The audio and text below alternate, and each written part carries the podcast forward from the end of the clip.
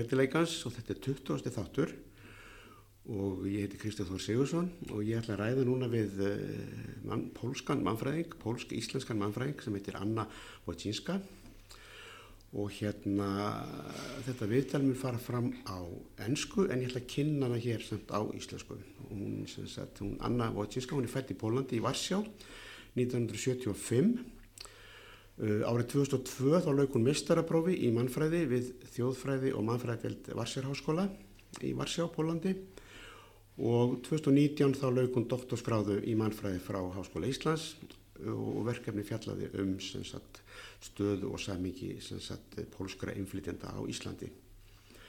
Uh, hún flutti til Íslands áreindar mörgum árum, hún kom hérna fyrst 1996 og var svona að sem er kannski svolítið stíl við það sem hún hefur verið að rannsaka. Hún hefur verið svona, var í svona þverþjóðlegu sambandi við Ísland í byrjun og hérna en í, í kringu 2003 þá var hún meira meira flutt sagt, til Íslands og hún hefur búið hér síðan og starfað.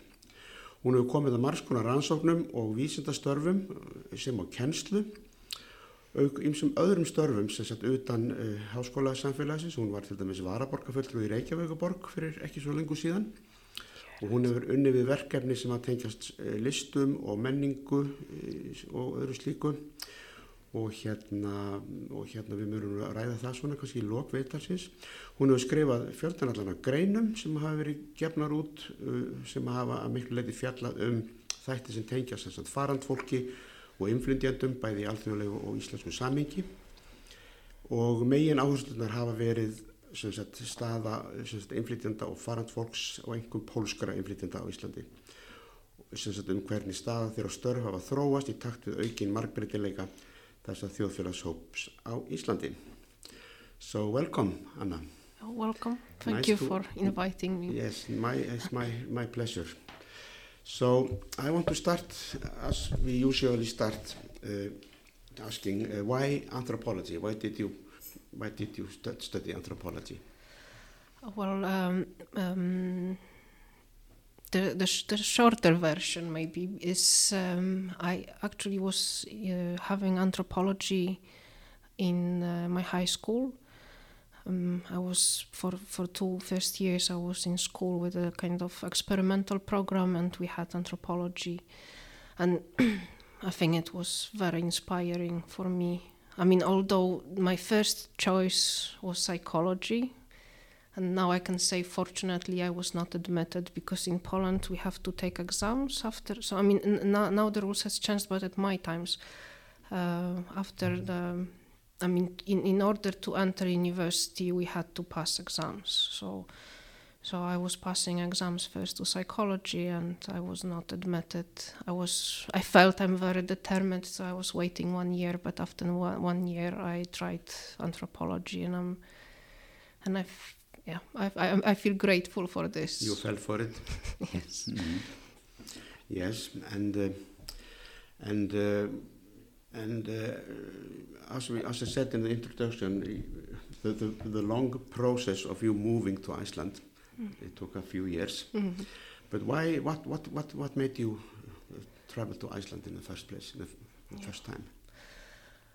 Well, I mean, it it it, it may be very um, prosaic because I mean, I wanted to visit Iceland, and uh, at this time when I was growing up in Poland, it was really far away, and very little was known about Iceland, and I think kind of it, it was making me even more excited and interested to, to try.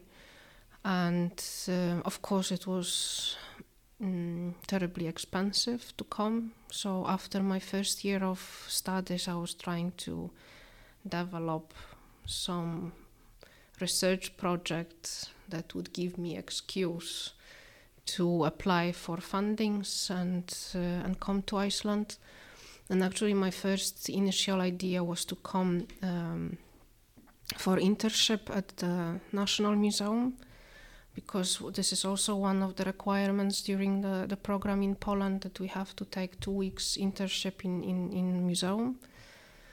Uh, so I was contacting uh, Sap, and uh, I got this very nice response from Hallgerður Gísladóttir who actually, she was the first one who mentioned that there is a Polish community. There is no way to have me on the internship, but I could come and actually start my research. And this is how it started. So there were other people that uh, inspired me to, to look at this issue. There was no information about uh, migration from Poland to Iceland at the time. It was, I think, 300 people living Mm. here, so it was absolutely unknown topic. So, so that was the in the beginning. That was the time you decided to to to make this a research. Yes, I came. Subject. F- yeah, I came for um, three weeks, and doing my, my my study. I was mostly in Reykjavik at the time, and actually, I remember I interviewed one woman, and she predicted this. It will be a subject. I mean, it was only my my kind of summer project. It was Mm. not supposed to be my master thesis, but she predicted it will be your master thesis, and then you will come back to to make a PhD about this, and this is what happened. So, so yeah, first it was just those three weeks, kind of a summer project, and then I came back in '98 to continue with this research, and then um, I faced this sort of problem. Uh, as you may know, I mean, jumping to the field for a short time, taking interviews, going home, transcribing them, Mm.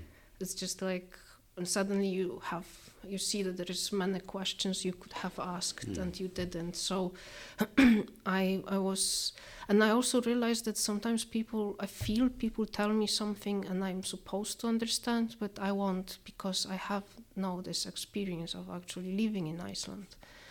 So i took a break in my studies in poland in 2000 in 1999 and applied for uh, um, to university here. And again partly i mean it's it's i mentioned this also because it shows how migrants need to navigate the system. Mm. so i mean I, I could not move at this time just to do my field work. I had to have a work permission and so on so on. So actually entering the university was one one way for me to um, to get to iceland. So i started icelandic for foreigners even though it was my like secondary objective. And the objective was to, to to live here and have this experience of working. I was Mhm. Working in uh, like many migrants in cleaning in hotel and washing dishes in, in a restaurant Mhm. So you said that during this time when you arrived here, there were, there were around a few hundred, just a few hundred Poles, and they were mainly, you know, working in in uh, that fisheries, yes. What we call uh, unskilled labor. We will maybe talk about that later, what that means, what does, what does not mean. But um, uh, so, so I think this was a, maybe it, it was a very favorable time for you to come here because this this Polish community was actually just beginning at that Mhm. time, Mhm. and uh, and um, so so somehow somehow this the, the, the history and development of the Polish community here in Iceland somehow is parallel to your own research. yeah So so so, so Mhm. uh, which is it's already started to take a bit of mystical dimensions. You, you mentioned this woman who predicted Mhm. your future, and uh, and uh, at the same time that you can say that this community needed researching. You came here. oh you can maybe say like this but yeah i mean i i mean it was um, it was very interesting to observe also the, the dy- dynamic and how it was changing through the years and of course i mean there was those times like uh, opening the labor market and new waves of migrants crisis so i mean i Mm. i've been through this Mhm.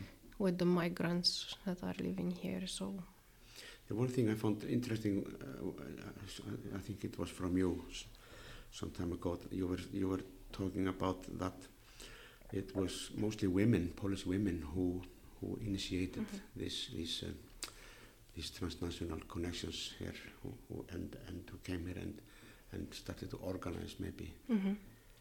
uh, these, uh, these these migrations. Mhm. Well, I think that like the very, very beginnings, I think it was kind of mix- mixture uh, there were men and women, but there were very few people. Like before uh, 89, there was just like, I don't know, five, six, seven people. And often coming through different coincidences, I would say. Uh, also because of the relationship with Icelandic uh, guys. So, I mean, then it was women, but um, there was also, uh, for a time, there was a Polish embassy. There were some people coming to, to work in, in the embassy. So it is kind of actually this typical chain migration with people coming. And there was also at the beginning this period when um, mm, Icelanders were trying to get Polish welders, I mean, to work on the shipyards. Mm-hmm. And it again, I mean, all, all, all I mean, the the in, important sort of link between Poland and Iceland is, of course, this ship uh, industry and and the, the, the fact that Icelanders were rebuilding and building ships in in in, in Poland. Mm.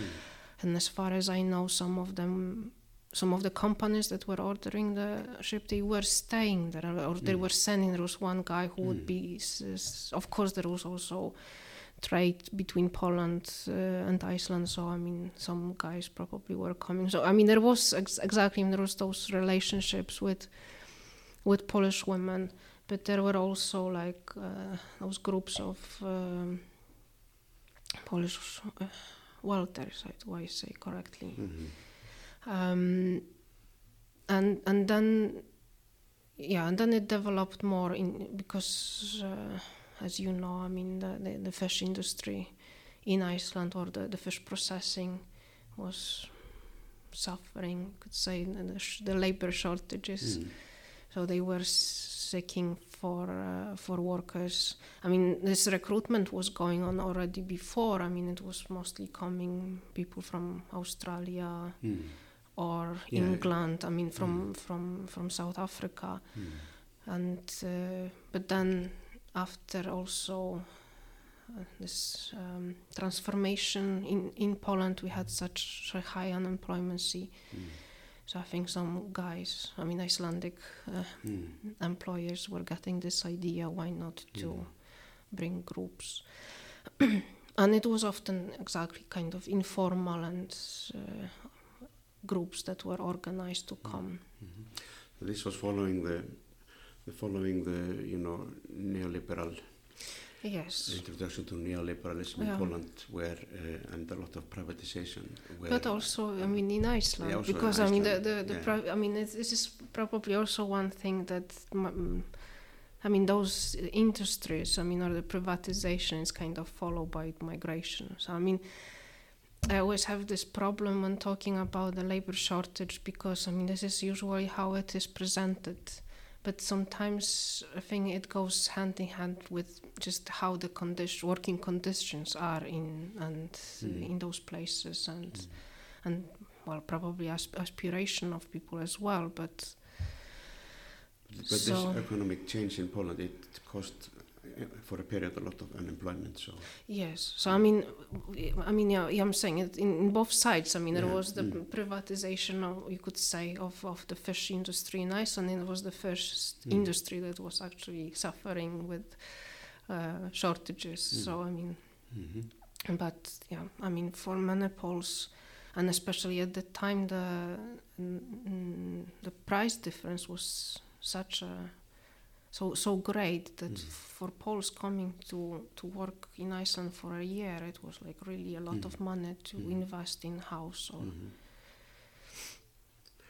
Yeah, and uh, when when you started this uh, your research, and, and I know this has been a, a, a you you're still working on, on this more or less. -hmm. So this is a long time research, and. Uh, well, I want to talk a little bit about pathology. How did you, how did you, how did you go about uh, uh, doing this research? About uh, uh, this research. I mean, also because you're Polish yourself, and you mean like doing the field work with Polish yeah, migrants? Yeah. I mean, this is actually interesting if I kind of reflect in time because I think um, when I was coming as a student um, I don't know if it's just the time times has changed or if if if it has something to do that I was like a person from outside. But I I felt at the time that it was much easier to contact people and uh, talk to them. I mean, obviously there are probably many factors. I mean, there is much more research done, and polls are usually the, the first target as when, when someone is doing research uh, on migration in Iceland. or also there are Polish researchers coming from Poland and then they do research on migration. So, I mean, mm, I mean, if I understood your question right, I mean, at the beginning, I think people were much more uh, interested to participate, to talk, to welcome me, to, to welcome me to their homes when we were. Uh, when I was traveling around Iceland, we, I was staying with some people. So I mean, it was kind of different experience. Then, of course, when I started to live here, I think also my experience became part of the research. I mean, I was not doing maybe auto uh, ethnography, but in, in different ways it inspired also my questions and, and, and how I understood the answers, so also the interpretation. but I mean, like um, with the current research, I, I feel kind of, um, and I don't know if it's also because now I am working for the university. So I mean, is it my status or is it just because people are so basically busy these days? But it, it, it happens more often than before that someone would refuse to, to talk to, to me or I don't know, be suspicious about what is the purpose of this research or so and so on. So that has changed? Um, this is my feeling, it has yeah, changed. Interesting but um, yeah, and I'm, I'm saying like it's probably many factors. I mean, one like, I mean, I suppose it was kind of a good situation when I was a student and coming like. Mm. I'm doing this project for, for the University of Warsaw. Can you help me? So I think it was kind mm. of different power relation yeah. between me and them. And now me coming and saying like I'm from the mm. University of Iceland and I'm postdoctoral yeah. researcher and would you I mean I'm I'm getting a salary for this job mm. but do you have some free time to sit with me and and, mm. and, and talk so I mean I personally also feel sometimes like this this uh, power relation kind of is That's interesting because uh, because of course this is uh, this is more or less always an issue mm in anthropology and ethnographic research, this, this asymmetrical mm -hmm. power relations between the the researcher and the, mm -hmm. and, the and the participants. But but uh, but now since you are Polish and you, uh, I mean, you, you, know a lot of these people, and, yeah. and you speak the same language, and and uh, so so this maybe it's fatigue. yeah, but I mean, this is also like one thing that I realized at some point. I mean, like the Polish community now is is really big, and I have my friends, and there are some people that I also encounter like in my daily life. And then I feel like it's a huge group that's kind of mm. uh, out of my sight for mm. different reasons. And um, it's also like you were asking before. I mean, this migration started mostly with, with people coming to work in a fishery, but there was gradually more jobs that people were doing, and, and then suddenly there was this huge migration of construction workers. So it's it's really a diverse group, and again, not everyone is coming on the same kind of grants. So uh, some are uh, working for those. Um, starfsmannaleigur, I mean, those mm -hmm. posting, uh, no, job agencies, mm -hmm. and so on. So, so some of them are a little bit like, uh, I don't know, say like, I mean, difficult to access for me. I mean, mm. uh, to find wh mm. Where they stay, and mm. I mean, also if they are, some of them are circular and often traveling back and forth. So, um, yes, there is there is a part of this of the of the of the migrants who come here, not only Poles that are just here for some a period of time, mm -hmm. and then they go someplace else. It's a it's a. Mm -hmm. And also in this the um, transition period, I think when 2004 Poland already was part of the European Union, but before Iceland opened the labor market. I mean, again, I mean this this sort of um, navigation of the system. I think there was people coming uh, for those six weeks that they could work, or how how how long period it Mm. was, and then coming back, and then Mm, coming mm. back. And I mean, some of the construction workers, I mean, they are staying in the in, in the housing which is organized by the employer. Mm. So they are kind of, um, I don't know, say like constraining the space and Yeah, yeah. and, and and the work uh, labor market. So Mm. Yes, but as you as you are starting to talk about this Polish community, I mean it's it, it's grown very much. It's it's it's big. mhm. It, it's um, it's um, the, the far largest immigrant community in Iceland, and it has changed and developed. And uh, and uh, how what how, what how what does it look like today? I mean, it's changed from a, few 100 people Mhm. working in the, in the fishing industry, but now we have different groups maybe Yeah. that maybe are not uh, part. Do, Mhm. They do not maybe interact very much, or what? Well, I've yeah, I mean, I, would say, I mean, this is very um, diverse group in in in, in many terms. I mean, education and uh, occupation and where they are staying. I mean, there are many people living in Reykjavik, but there are uh, communities all around Iceland, and also in terms of reasons why they come. I mean. Um, I mean, it's still like majority says that they are coming basic. I mean, f- because of work, like this is the main purpose. But there are m- more and more people that I encountered who are coming for different reasons. There was just interview I think a few days ago with one Polish woman. She was saying why Iceland, and she said because it's a peaceful country.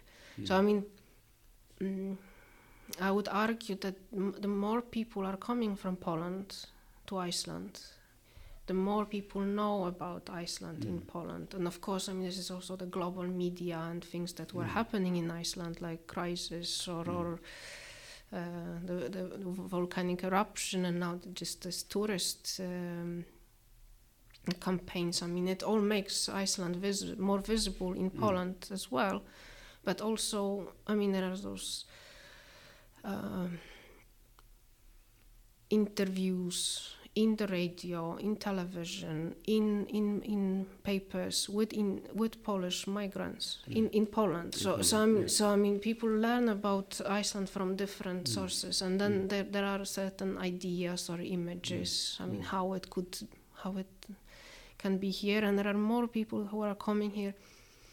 Uh, as I said, for different reasons, Mm. or like my friend, the one I am, um, uh, Viola Ujazdowska, I mean, she came to, for internship in in the in Nýló in in the gallery, and so I mean there are people are exploring sort of different means of coming, not only coming to work Mm, in exactly. cleaning, Mm. in in uh, fishery, or which was like uh, the usual way before. Yeah, so so maybe uh, Icelanders will have to start um, thinking differently about the, the Polish immigrant. That The Polish immigrant is not only so-called unskilled, la- low-wage labor hmm in construction and fishing. So, um, so this is the, uh, maybe we could talk a little bit about this this this, defin- this uh, definition of Mhm. skilled labor and unskilled labor hmm because this is something which is usually uh, used to to place people hmm in, in different positions in societies Mhm. and, and, and, and uh, it has to do with how much they earn, how much Mhm. money they earn. And uh, I have often th- I often thought about this these definitions because, uh, for example, the Polish uh, worker who is labeled unskilled, he can Mhm. practically build a whole house and he can fix a car and a boat. So if that is being unskilled, then I don't know what skilled is. So and then you have people who we call skilled labor who Mhm. practically are limited to managing Excel Mhm. documents in a bank or something. hmm So, um, so these are, I mean, these are, I, think I feel, sometimes I feel that these, these definitions are, are uh, social categories on, on, on uh, that one can compare to racial categories or Mhm. ethnic categories that Mhm. you place you, you define people in, in this way so so if you Mhm. say he's a he's an unskilled labor Mhm. laborer from Poland maybe he has Mhm. some education as a something Mhm. else as a engineer or, Mhm. or something else which we don't care about because he's going to build a house for us Yeah.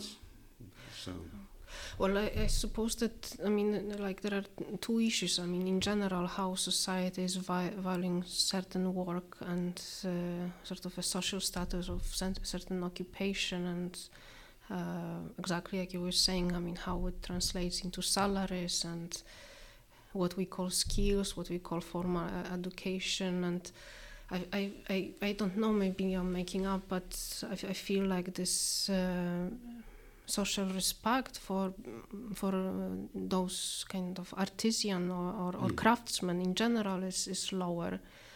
And maybe you know, people are I mean more people are going to study at the university and and and then they have interest to to learn some occupation sort of in their hands so um, this is, I, I think, global problem. Not only, and then now we have on the top of it, there will be labor market will be changing again with automatization, and I mean, people will.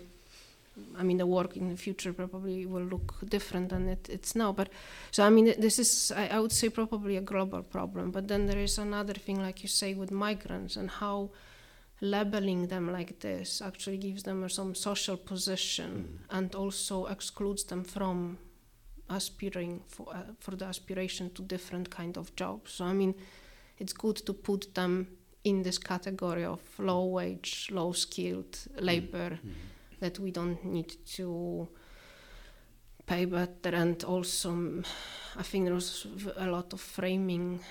Uh, that they are temporary, so I mean, like they will leave. So I mean, you don't have to invest in in, in, in, in integration. And of course, this is tricky because many migrants, and like you, I think most of them, when you talk to migrants, they say, I came for three months, I came Mm. for a year. So, I mean, Mm. they did believe yeah. it will be temporary, but I mean, the reality is often different. so, so, um, I mean, there are, again, and there are those misconceptions. I mean, like, mm, people are doing unskilled labor or low skilled labor. I mean, if I mean if you think probably about s- skills in a sense like, um, I mean, I was cleaning, I was washing dishes. I didn't need a special education for it. I mean, this is something that I can start doing day mm. one when they or I can do it better or worse I, I but still still I mean I don't need like a formal education for this. But of course I'm not able to to build a house or make a chair or or, or but and these people were also coming. And Mm. this I mean the craftsmen were recruited from Poland and coming to do this job so I mean. But still it was convenient to put them in the frame of Yeah, this unskilled yeah. to justify low salaries but Yeah, I think it, it's a it's a method. It's a it's a method of, of cementing some power relations. I mean, I, I I- think I once told you about where I was living in Yeah. a city in Europe, and uh, the people who owned the house they they employed two Polish young Mhm. men who Mhm. were practically there most of the time. Mhm. They did everything that should be, was, was to be fixed. They was they were adding some they were adding a new building to the house. These two guys Mhm. they built the whole thing. Mhm. They were electricians, they were plumbers, they were carpenters, they uh, were bricklayers and uh, they, and painters. They, they made they, they did the whole thing, and I was just watching them. I, I thought I could not do this. I was you know uh, seeing myself as a, as a as a connected to the university, but I was just I. I I was watching them, and these these guys are skilled. Mhm. They they they can do things, many things, you know. Yeah, but they I- are labeled as unskilled. Yeah, yeah. low-skilled But I mean, this is what I what I think. I mean, like, n- no, no one takes them from it. I mean, they have those skills, and Mm. often they they they were getting education to get those skills. Mhm. Yeah, it's just like this kind of general image about migrants a, a, as a group. Mm. So I mean, Mm. this is, and and then but there is a, mm, like mixture of people. I mean, and also there are people who have a university education and maybe do, they don't have a practical skills, Mm. just knowledge and the title, but then they choose to do unskilled labor. I Mm. mean, um, I'm, I'm saying, uh, uh, I mean, or I mean, I was also working in in Fisher. I mean, it's uh, oh, those it it requires skills, but Mm. those are skills you actually acquire while while Mm. while doing the job. I mean, actually, I've, I I was always in the most sim- simple jobs there because um, I was not. I never got the speed to cut the fish. Mm. Or so I mean, I, I I understand that those are skills and. Mm. Yeah, I just I, I, I- I also said I, I think I thought this was an interesting thing to discuss a little bit because this is uh, I think these definitions they Mhm. they um, they they, um, they have they have effect. Yeah, mean, they kind of define the Yeah, place in the yeah, society yeah, a little bit yeah. and the uh, opportunities for migrants. Yeah. So, uh, so now the, the the Polish community or the Polish diaspora or, or what what we call it here in Iceland, it is it has started to to di diversify in Mhm. mm I mean occupationally in different directions. There Mhm. are not only there are not only unskilled labor. There are also writers and Mhm. even people in, po- in, in, in politics, you know, and so they are Mhm. starting to to show them show up in different Mhm. places in society. Yeah, I mean, this is, I think, also like part of a natural process. I mean, the, the larger societies, I mean, there are people with uh, different skills, and some of them have courage to try to get job um, according their skills. Some, as I was saying, like um, with now this open market, it gives people more more possibility to apply for jobs that they are qualified directly from Poland. so so I mean it's it's uh, it's like you said I mean it's changing and there are more artists coming and I hope I'm not making up but I think in, in, in some circles I mean Iceland is this kind of place where you can uh, go and maybe go to some countryside and work in a cafeteria but also um, get some inspiration for your art Mhm. so, so I mean, and I mean, like, uh, I, I see you have the interview with with Eva who published book. Mm. I mean, um, so, so I mean, I mean, I got to know her when she came uh, to work in Bíó Paradís. Mhm. So this was also some kind of form of um, internship there. And again, I mean, I think she said herself, like she came for three months or for Yeah, a yeah. short time, and now Mm. she's she has been living in, and she started, as to my knowledge, be outdoor here in Iceland. So I mean, it's not only like the authors are Mm. moving, but Mm. actually living in Iceland Mhm. also gives people some possibilities. Yes, and she has just published a book, Yes. and uh, and uh, which is called. Mhm. This is an interesting title, and so and she has been uh, interviewed in, in, in, in newspapers uh, on Icelandic, you know, Mhm. RÚV radio. So she's, I mean, she's one of these. Oh, she's very active because Yeah. she's she was one of those people who established Óspressan. It's a Mm-hmm. multi-language uh, journal that has been published, I think, for at least five years. Mm-hmm. And um there is also multicultural um, theater group that Mhm. uh, they were actually staging poetry of of Eva. So um, yeah, so I mean she's Mhm. she's you know, active and also active in in you know so like activating migrants. Mhm. I've- I I would risk to say that she kind of inspired people to to do something Mm-hmm. uh, in the field of literature or Mhm. Yeah, I think this is an interesting development because here, here we are seeing uh, the change from an uh, almost faceless, impersonal um, you know, army of Mhm. low-skilled laborers, and, all of a sudden you're starting to see uh, uh, distinct personal Mhm. faces who are doing distinct things, who are writing books, Mhm. doing poetry, and being interviewed in Yeah. Icelandic media. It's a it's a new step. And this is also one one thing that she's doing because she's uh, writing in uh, Tímarit of Ma- Málmenning, Mm-hmm. and she's often introducing other writers. Mm. So I mean, it's exactly like showing no, not only Polish, but Mm, just uh, mm. foreign writers living in Iceland. So, so I mean, um, she's active on on many levels, Yeah. so to say.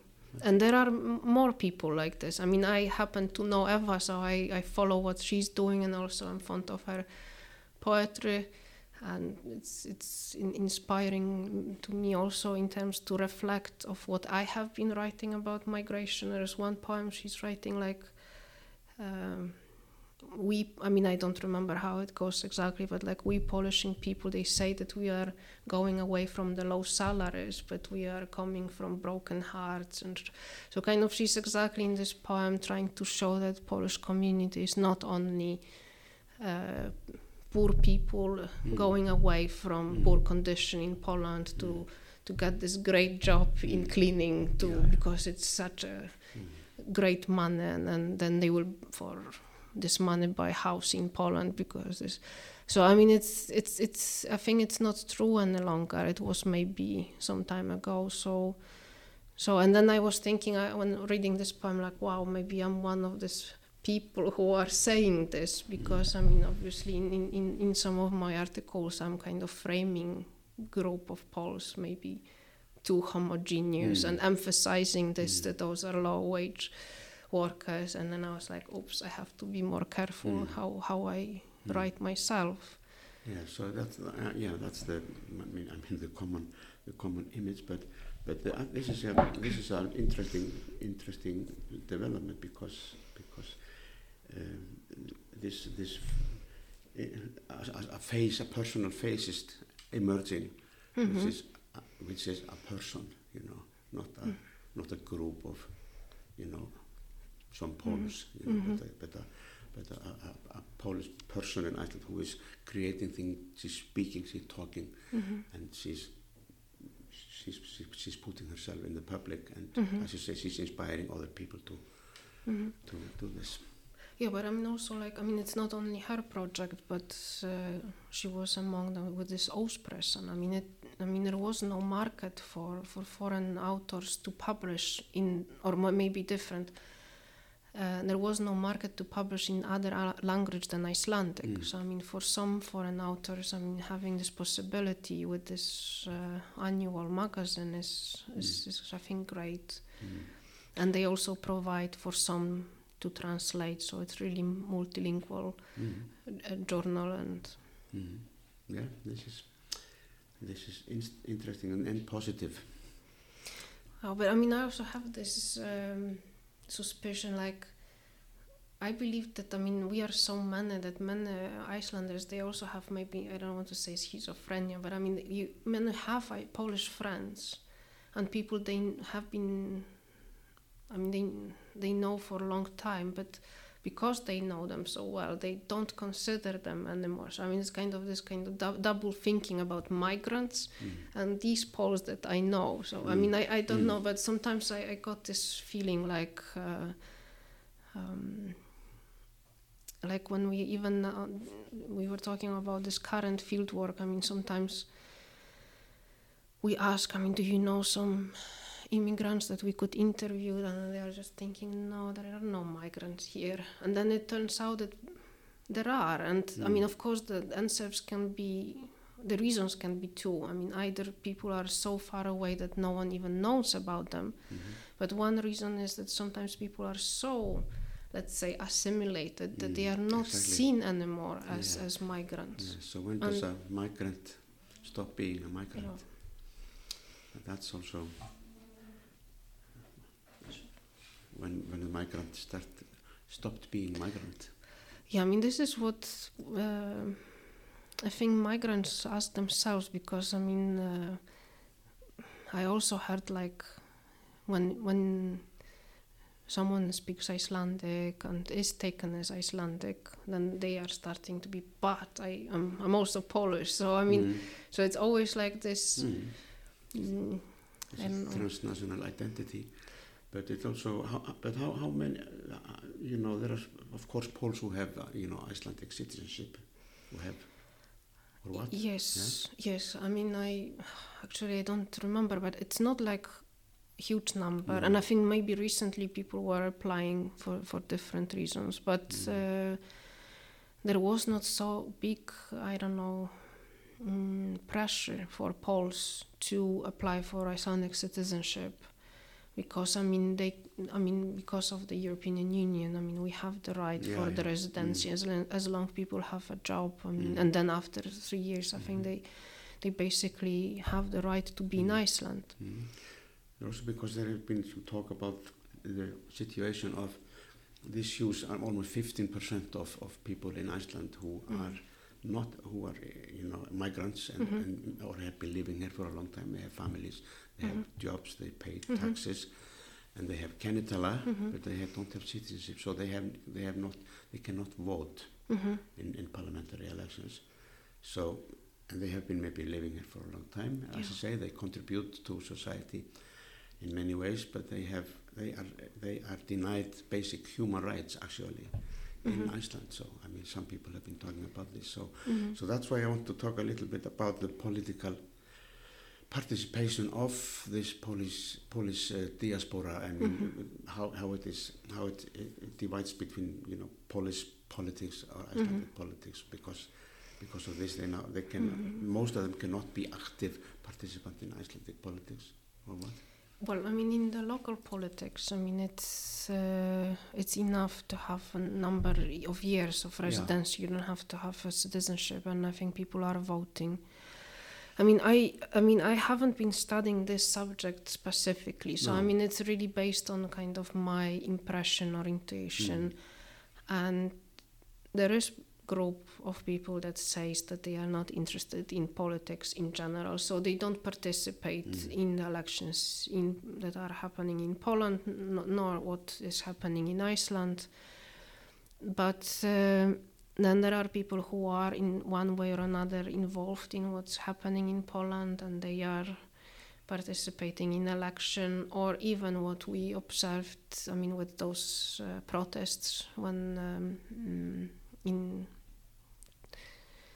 in 2016 was it Yes, no the- i mean the the black protests The that black were protests, yes. organized Mm. here so i mean so people are um, well, well, i mean I mean, obviously, it shows that they are concerned what's Yes. happening in Poland. Yeah. They feel responsible, Mm. and they felt also so responsible to actually drag this international community or Mm. Icelanders Mm. also into, I Mm. mean, on the side with their goal. Mm. So I mean, like in this protest that were happening here in Reykjavik, there was Yeah, quite and- many Icelanders Yeah, I- I, remember but but for clarification, this black protest was actually about I, it was uh, it was after the, the there was a proposal to um, strict the law abortion law in Poland. Mm. So um, people were protesting against this. Mhm.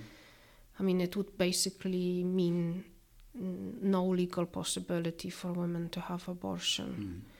And also, I think what was uh, dangerous, it was criminalizing this for doctors if they would uh, proceed. And actually, I mean, I maybe don't want to go much into it, but there were situations in Poland that doctors refused because they were a bit concerned um how it how it may affect. So I mean, there is a conflict Mm. and I, I, I, I don't think so it happen often but I mean it, it it's it's not very good development No. uh, so so I mean people can argue I mean Mm. how, how lib- liberal this law should Mm, be mm. but I mean here I would say I mean it was really strict Do you think that this might be might be a, a real, one reason for for Poles to to immigrate from Poland? um, I would doubt that this is the reason, but I think I don't know how many people well maybe n- now but i mean not before but i mean also like not not like directly the reason but it can be one of the aspects Mm. i mean this kind of freedoms that uh, um, are in Iceland. But like when I was talking to the women that were organizing those protests, they some some of them were saying that um, this was kind of um, development here in Iceland. I mean, this kind of awareness, the Mm. the, the women's rights awareness. I mean, they were not com. I mean, s- some of them at least were saying they were not coming as a- activists Mm. but became activists here. So I Mm. mean, also in response what was happening. So, so again, they were not coming because of this to Iceland because they Mm. knew about those about gender equality. Mm. But I think it may. I mean, I'm saying like the more migrants are, the more things are happening between those countries. Uh, it opens more and more Yeah, yeah. kind of channels Mm. and possibilities, Mm. and uh, and also mm, mm, like more of my friends like i'm observing they are really living transnational life Mm. so i would say um, eva to some extent i mean she's now, now going to publish also in poland so i mean they are really playing those i would say two identities Mm. and and taking opportunities from both countries Mm. my my um, other friend I mentioned before, Viola Ujazdowska, I mean, she's well international artist to some extent, Mm. but she's working in Poland, she's working in Iceland, Mm. so um, people don't cut those links. And and and, and they, they, they Mm. can kind of we can say capitalize on them as well. I mean Mm. creatively or financially as well in terms of I mean if, if it offers a job. So um, it I mean it really has changed since, since I moved in. Yeah, exactly.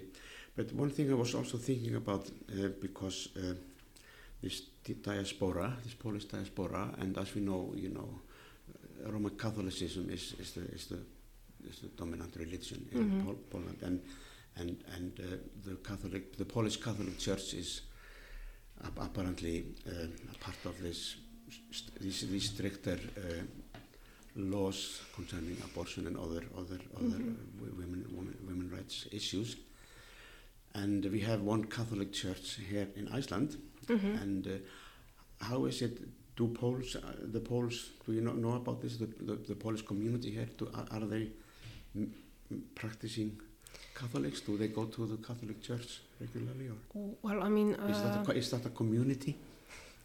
there is a community that I mean, there is a group of people that is um, religious and active and and go to church and um, and so, so I mean, there are. Um, there is a mass in Polish. I don't know how, how often, but there was, and uh, it's not only in Reykjavik, but also in those other communities around Iceland. Um, there was at some point Polish priest in Ísafjörður. I don't know if if there is one right now.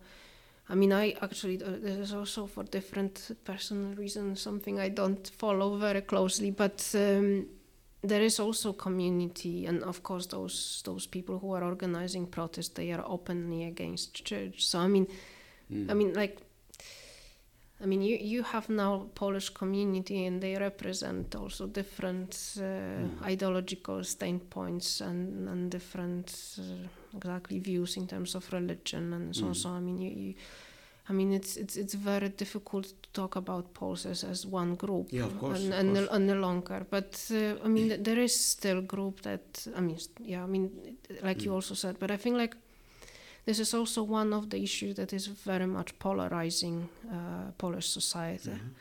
and probably partly because, uh, like you mentioned, I mean, church tr- still tries to play a role in politics. Mhm. So it's not only about your belief and kind of your personal views and how you feel about God. It's also about this um, issues that church is trying to influence in terms of politics and Mm. lifestyle for the whole community. Yeah, So yeah. I mean, it's so it becomes like a political issue. I don't know how to say, Yeah, but I mean, and it's very much polarizing people, both in in Poland and. Um, well, I'm not saying that Poles in, in Iceland are arguing about this, but I think in, in, in some Mm. sense there is this one group that um, is religious and then there is a group that Yeah, yeah. it isn't. Of course, but but this this uh, this connection or this uh, the situation in Poland where the church is practically a very powerful political institution and affects you know policy issues and legal matters in Poland. Is there uh, uh, is there any uh, is there any discussions about the, the Polish Catholics who go to church? Is there a discussion about this in church or from from the priests or Here, yeah, or are they are they in line with the Polish church? well, I, I, I yeah, I mean, I, I think that, um, well, I mean, this is something I don't know because I don't know the church. I don't know what, what they what they really say. But I mean, my my from my personal experience, exactly, there is also a difference between Polish Catholic priests and uh, other Catholic priests that are uh, in Iceland, and I think it's partly this this kind of experience that the power of church is much higher, bigger in, in Poland and Mm. maybe in some other European Catholic countries, and um, but I don't I don't think so that it has there is a, an issue here.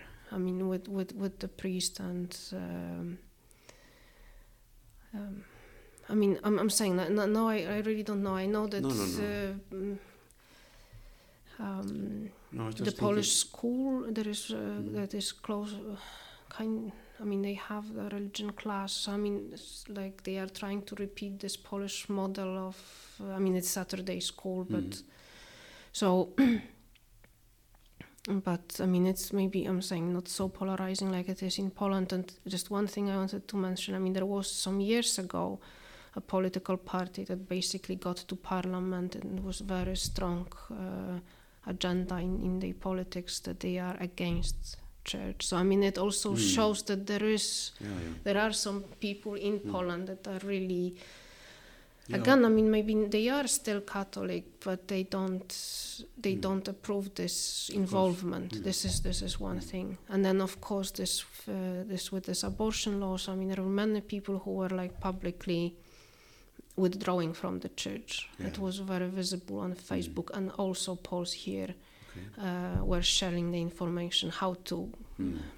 how to resign from the church, Yeah. how to officially Mm. withdraw from this community. Yeah, so these issues are quite, co- you know, they are contested and discussed ab- among Poles, you know, because these are, of course, these are very, very important social issues. I mean, in Poland, Mhm. and and and, uh, and of course, a lot of people are not happy with it. I mean, that's that's Oh, and I think that some Poles, I mean, actually, like actively also want to be, I mean, oh, disassociated with this Mm. image or Mm. stereotype of, of Mm. Pol- Poles being Mm. uh, very religious. yes. Um, I want to um finally, I want to have you talk a little bit about this present research hmm project that you are working at with uh, Unnur Dís Skaptadóttur and uh, Pamela Innes. I know you have been you have been settling down in different villages around the northern part, western and northern part of Iceland. hmm So tell me a little bit about this research Yeah. and, and, and, and your how you come into it as as an Yeah. immigrant.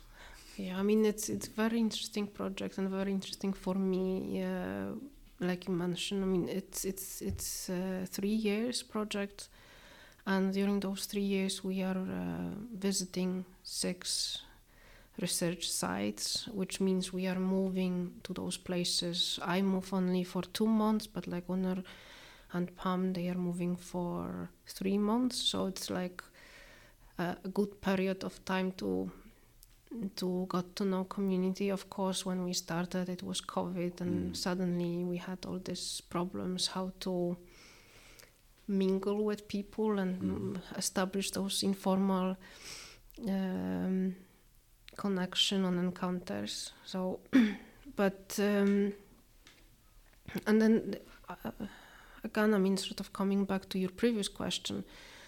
what I was saying that uh, now doing research is a bit more difficult. And w- one thing that I observe, and I don't know if it's my problem, it's the problem of times or whatever.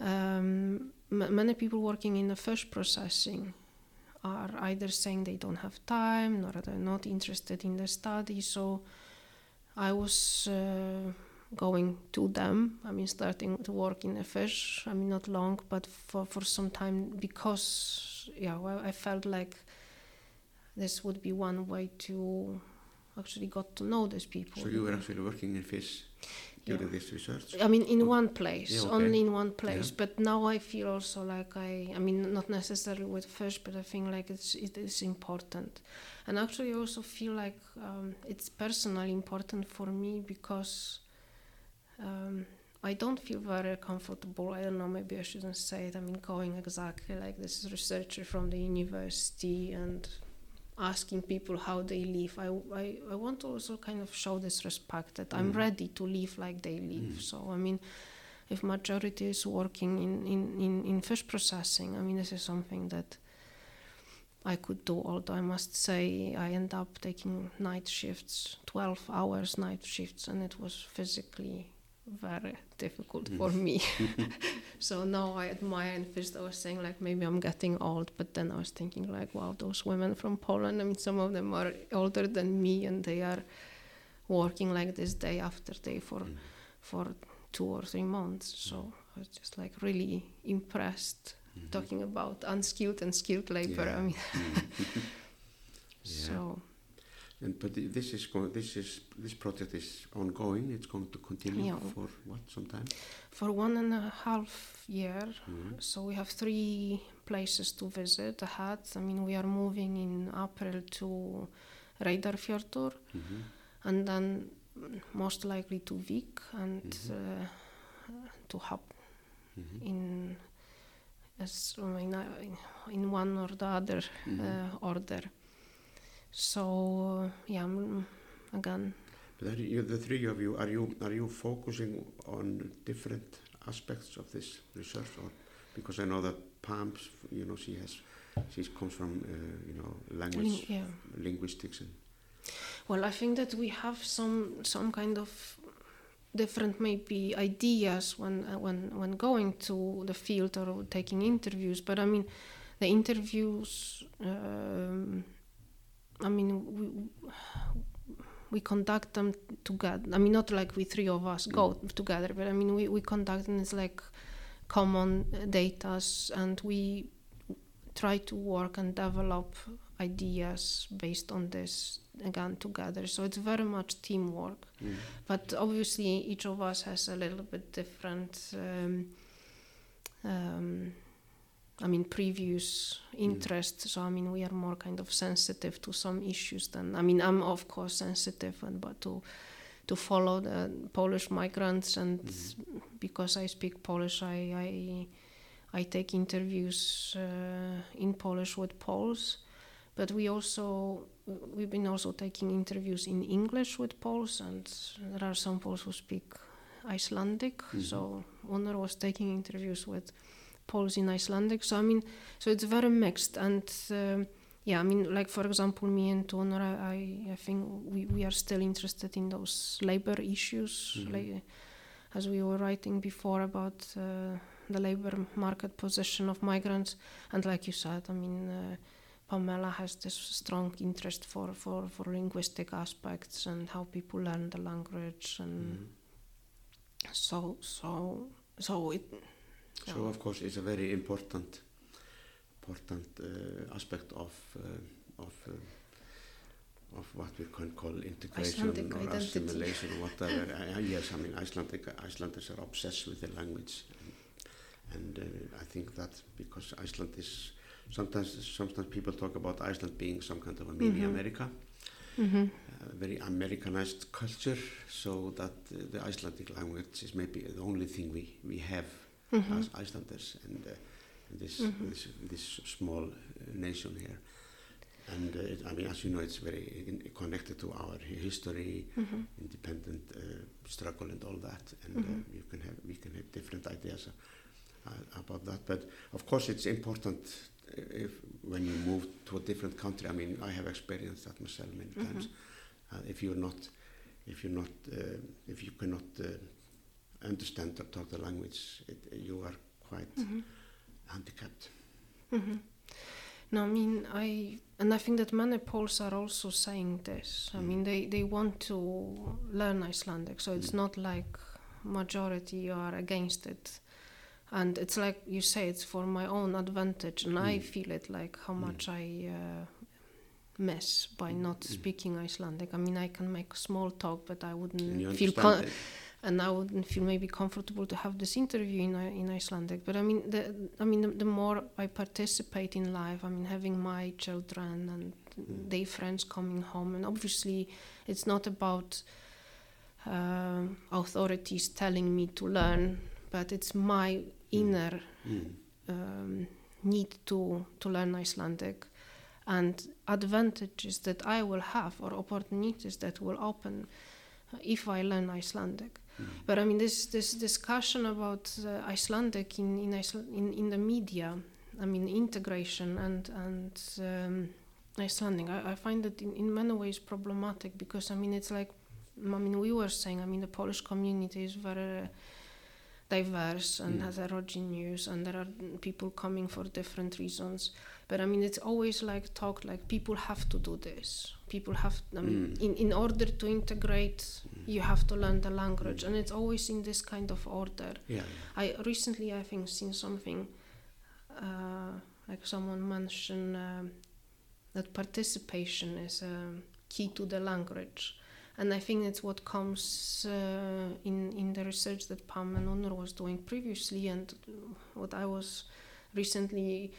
Um, well, writing, but not based based on those uh, texts. Yes, that- there was some, some ev- event, event in, in Yes, Borgarbókasafn. yeah, yeah. So I mean, we, I, I will maybe, I don't know, should mention this first, but, but I mean, what I'm saying, it's kind of problematic because I mean, first of all, I mean, it it, it kind of looks at uh, migrants as one homogeneous group that came here to settle. Hence, we have to teach them Icelandic.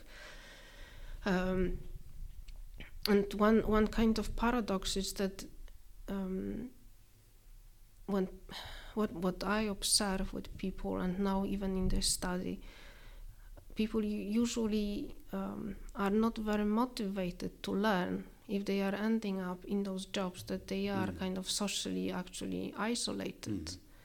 I mean, one girl I was talking to, I mean, she was working in, in fish processing for for many years, and she she she didn't feel part of the community. And then she said, like, once I left the factory, I started to live in this town. Mm. She had some role. She was also working for uh, for the municipality, and now she's learning Icelandic. Mm. So I mean, this is, I mean, so I mean, the, the, well, it should probably go into some extent hand in hand that Mm. people feel welcome, that Mm. people feel accepted, Mm. That someone wants to um, talk to them, and then comes this sort of uh, motivation to learn. Mm. But but I also noticed that the more people are told you have to, Yeah, of course. the more they, they, they resist and, and and and kind of feel offended that it starts to be a little bit oppressive. Yeah, I mean, w- and and but I mean. I'm, I'm saying there are many aspects of this, and then there is also the aspect of the service jobs, and if they are, I mean, I, I find it a little bit problematic as well that uh, people who are in these front jobs don't get this training. But I mean, this is this is a different aspect. I mean, this is a part of the uh, requirements. I would say. I mean, that belongs to the job that they are performing. So I think then employers should actually provide some basic training in in Icelandic before um, this person starts work. And Yeah, I mean, in, and, and Mm. probably mo most of this job is very. Mm, I mean, it's very limited vocabulary, so people Yeah. can learn it. Mm, But also, if you if you're working very long hours, Yeah, I mean, then this you come home totally blasted from work, and maybe you have two or three kids, you have no time or Yeah. energy to. So yeah, I mean, this is this yeah. is another aspect. But I'm saying, like, if if I I would imagine like this that if I need someone to work I know that it's costly, and this is the problem. But I mean, if we have, if I want to hire someone to uh, to be to work in a restaurant, I mean, before this person, I mean, I, I accept this person. I offer that like the first month or two months of his or her job is actually language. So I'm, so one is paid for for getting this mm. training and then starts starts the job. So I mean, because I, I also find it problematic, as I said, that um, um, we allow it and then we are angry for Icelanders mm. that they are um, disappointed, so to say, that they cannot get mm. service in Icelandic. I mean, I think that we, we, we shouldn't go also too far. It's also an economic economic thing because you know, uh, for example, before COVID, when, this, when the tour, tourist industry was was was was was booming, you know, a, a, lot of people, a lot of the people working in the tourist industry and in cafes and bars were young mm -hmm. foreigners, immigrants or foreigners who were working for mm -hmm. very low wages. So, yes. so you offered, the, so you accepted that they did not speak Icelandic, yeah. so you could pay them yeah. less.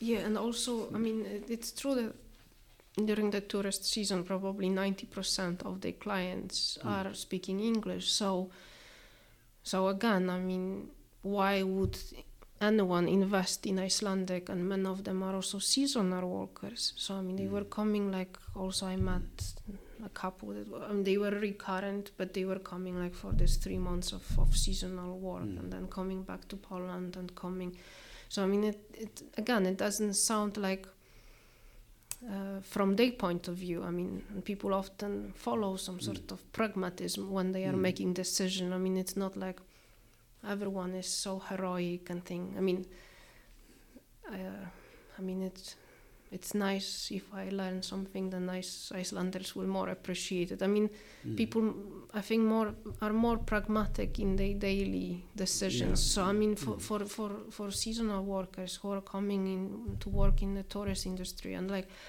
the guides, I mean, actually they they. Um, Mm. I mean, this the advantage they have is the languages they speak, mm. the foreign, not Icelandic. Mm. I mean, English or even I mean, if you have a group from Poland, I mean, there's then French Polish or, or German, Spanish exactly. Or, so, so I mean, this this knowing Icelandic is maybe really minor.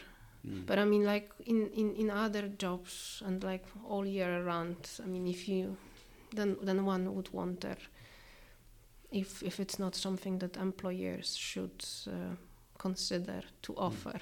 Mm.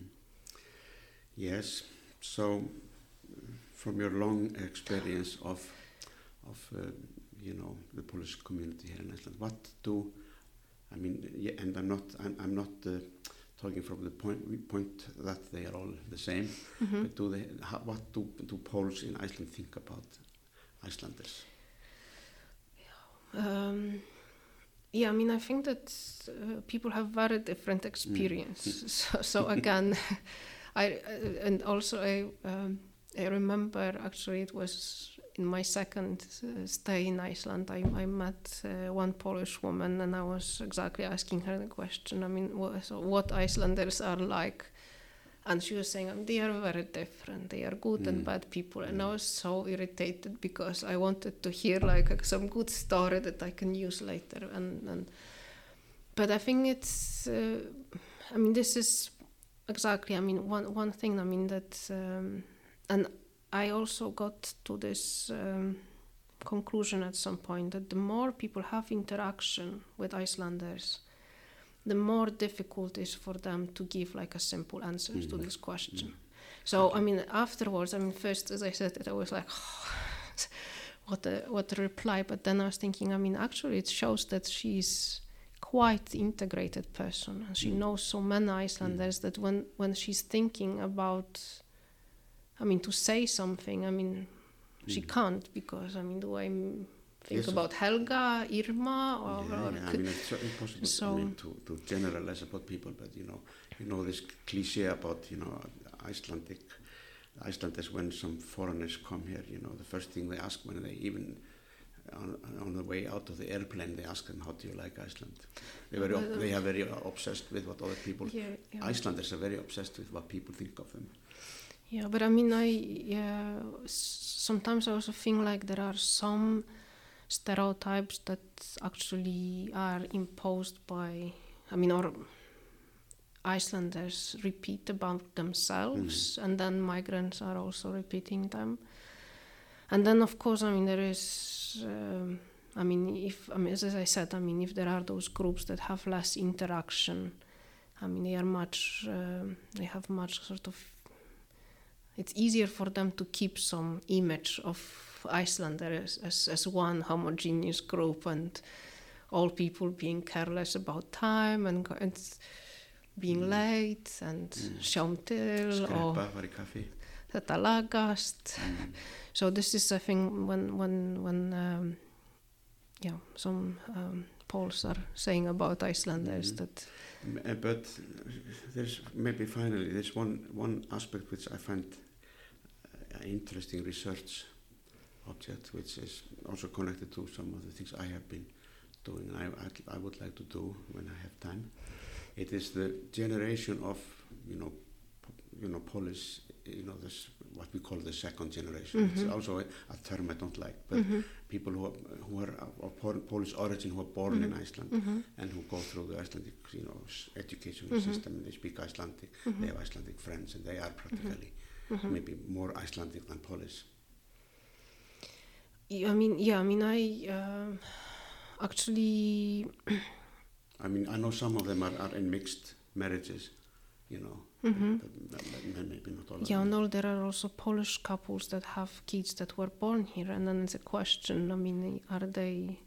You know, this this is probably the technically the second generation, but uh, the, yeah, but I mean, I um, I I think there were not many studies done about this in Iceland, except maybe in the School of Education, um, and actually, a long time ago applied, but I I, I didn't get grant, and now we were applying with um, with Maur.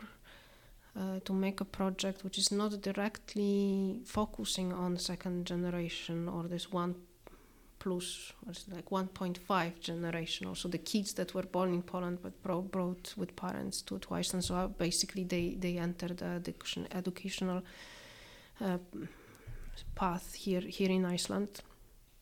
And uh, so I mean it's not not focused but I mean it includes looking at this group and exactly um, because I think that I mean like with my with this uh, study that I was doing for my PhD about transnational relation, even like when I think about my children, I mean, man, m- many parents are traveling to Poland, so kids are kind of brought up with this uh, double identity, Mhm. and it's what my daughter says uh, that she's both Polish and Icelandic. Mm. Mm, she's I would say more or less bilingual, though Icelandic is her first language. So, Mm. so I mean, there are many uh, families that keep this strong contact Mhm. with Poland. There is, of course, Polish school. I mean, Mhm. um, uh, which again helps people to keep the Polish language, Mhm. and so I mean. Um, No, I'm thinking, I'm thinking, for example, about the, this this uh, social network. You know, kids, you know, have their they have their classmates, they have their friends in the in the in the neighborhood. You know, Mhm. these are the these are the per- when when you're a kid, you know, these are Yeah. the persons that, mhm. that you know you belong to this group. This is your tribe. You know. Yeah, but I mean, I'm saying this is like very. Um, no, no, because now I'm thinking like uh, again. I mean, I will just give example from one interview. I was interviewing a, a woman who has three daughters, and uh, she was exactly saying like each of them has different relation to Poland. I mean, one is. Uh, in this, I mean, she, her her idea is that as soon as she's 18, she moves. She wants to study in Poland and preferably live there if possible. Then there is another one kind of doesn't care, and then another one um who, who wants to be in Iceland and doesn't like traveling to Poland. And so, so, so what I'm saying it's uh, um, even in one family, I mean, the kids that are brought by uh, brought up by the same parents, uh, they have a bit different views. But I think that, uh, as I said, I mean, many families have this strong connection with Poland and grandparents and visit Poland. So I think many uh, inherit this transnationalism, so to say. Mm, yeah, yeah. No, I find this. I find this. I mean, if we're talking about immig- immig- when we're talking about immigrants, I mean, the history of immigration is practically not that long in Mhm. Iceland. Uh, there was more emigration for, to, Mhm. to, to, for example, to, to America and Canada in, in before. But uh, I, I find it just interesting, also in connection to what I have been Mhm. researching, which is you know the Muslim community here, Mhm. because I they know that there is a new Mhm. generation who are who are of you know Muslim kids who are born here. Mhm. They've been through the Icelandic, the whole Icelandic system. They speak Icelandic. They, they're even intermarrying into into non-Muslim families, and I think that would be a this, this is an interesting, It's interesting topic, interesting, yeah, because yes. yes, these are practically you can call it you know new Icelanders Mhm. in a way. Mhm. They don't have this. Maybe they don't have the same uh, attachment to Mhm. even if you visit you know Poland or or wherever Yes. you visit you know Yeah. for a summer holidays it's not your home Yes, yes, this is exactly one you don't thing. actually you don't belong there Yeah, I mean, and this is one one probably thing that, that they will learn once moving. I mean, and also like kids visiting during the summer. I mean, they have a very specific image of Poland, Mm. especially the parents. They're almost like tourists Yeah, yeah, yeah. So, so, um, so it would be yeah interesting, and also I think it's. Um, um, I mean, it's in- interesting to to. I mean, to exactly when we talk about this integration, I mean, there are certain things that we have in mind. Uh, I mean, language and Mm. uh, kind of this occupational uh, career and, and, and so, so on. But I mean, there are those. Uh, food, food. yeah, but I mean, there are also those kind of less visible Mm. aspects, and actually looking at children that were born here and and the values, how they negotiate between those things that they learn from home if they have both parents Polish, and how Mm. how how it is. Mm, in Iceland, among Icelandic kids, I mean, this this this this would be like a very interesting dynamic to observe. yeah I think so. It would be maybe this this this research will be done soon. So what's the future? What are you going to focus on next Well, I'm, I'm the, the future is this project. So I mean, and then in, as I said, moving in in April uh, to to Reyðarfjörður, and I think we are collecting s- so many data, and there are already so many. project. It is huge project, and it's it's really um, we are learning a lot. I think. Um, I, as we mentioned a little bit, I was a little involved in. Um, artistic project, but not as an artist. I mean, as Mm. still as an academic. Um, mm, so some of this is like uh, partly because of my friend Viola, who- who has Doska, who was curating one um, exhibition in Hafnarborg last year, and they invited me also. So. So I feel like I have to step into the grounds Mhm. that I don't feel so so comfortable, and there is one ongoing project which is called Common Ground, Mhm. and again it's a project um, with artists from Iceland, from Poland, and from Lithuania, and they are doing their stuff. But uh, e- from each country there is also one academic Mm. and like the key word for, i mean it's common ground but i mean the key word is is home uh, and how how this perception of what home is is changing not partly because of this mobility but also climate change and Mm. how are we dealing with this i mean mm, um, what i mean because i don't know home is this sort of notion of stability Mm. And now Secu- security. and security but now the feeling is like there are so many things are changing and moving and and so so how how we mm, and also how we build this dialogue i mean this is one part of this project that i find very interesting because uh, they are going to organize participatory workshops. So I mean, I I'm really looking forward to see how how this dynamic because this is also what we, you you ask about what people think. I mean, there are those misconceptions among Icelanders about Poles and Mm. the, the other way around. So I mean, sometimes I feel like we need to start to talk on kind of more Mm. casual grounds and and to learn about each other and having And some do- kind of and do something together. do something together and Mhm. not only be framed in this uh, Because we're talking about lo- local native Mhm. migrant. Yeah, yeah. We break out, break out of these, the, the, the cage of these definitions, and uh, Oh. and we talk about language because language, for an individual, language means nothing. Yeah. You know, language is something, is a tool we use to, to share our life with others. So Yeah. Oh. I was This thinking about this article Yeah, yeah, here. yeah. Yeah, I mean, this was this this was very interesting. Also, intimate again, engagement with Yeah. language. um, I mean, I, I don't want to take too much credit of this because the um, it was the city library that organized an Mhm. event exactly with Óspressan, um, which was uh, organized during the day of Icelandic language, Mhm. and um, they wanted to be a little bit provocative, so they were feeling. I mean, they were asking immigrants how they feel Mm. about Icelandic, how they Mm. feel about learning Icelandic, and they they made like um, mm, a, I could say s- survey on on Fa- Facebook, but also in schools. But then on the event itself, they invited uh, artists, five artists, uh, to to perform. I mean, and they also just they were provoked with those questions. They also could read the answers from those surveys, but they can just so. Mm, I think that what was like advantage and interesting for me in this case that um, this was a very rich data. I mean, like Mm. when you go for interview, I mean, sometimes people um,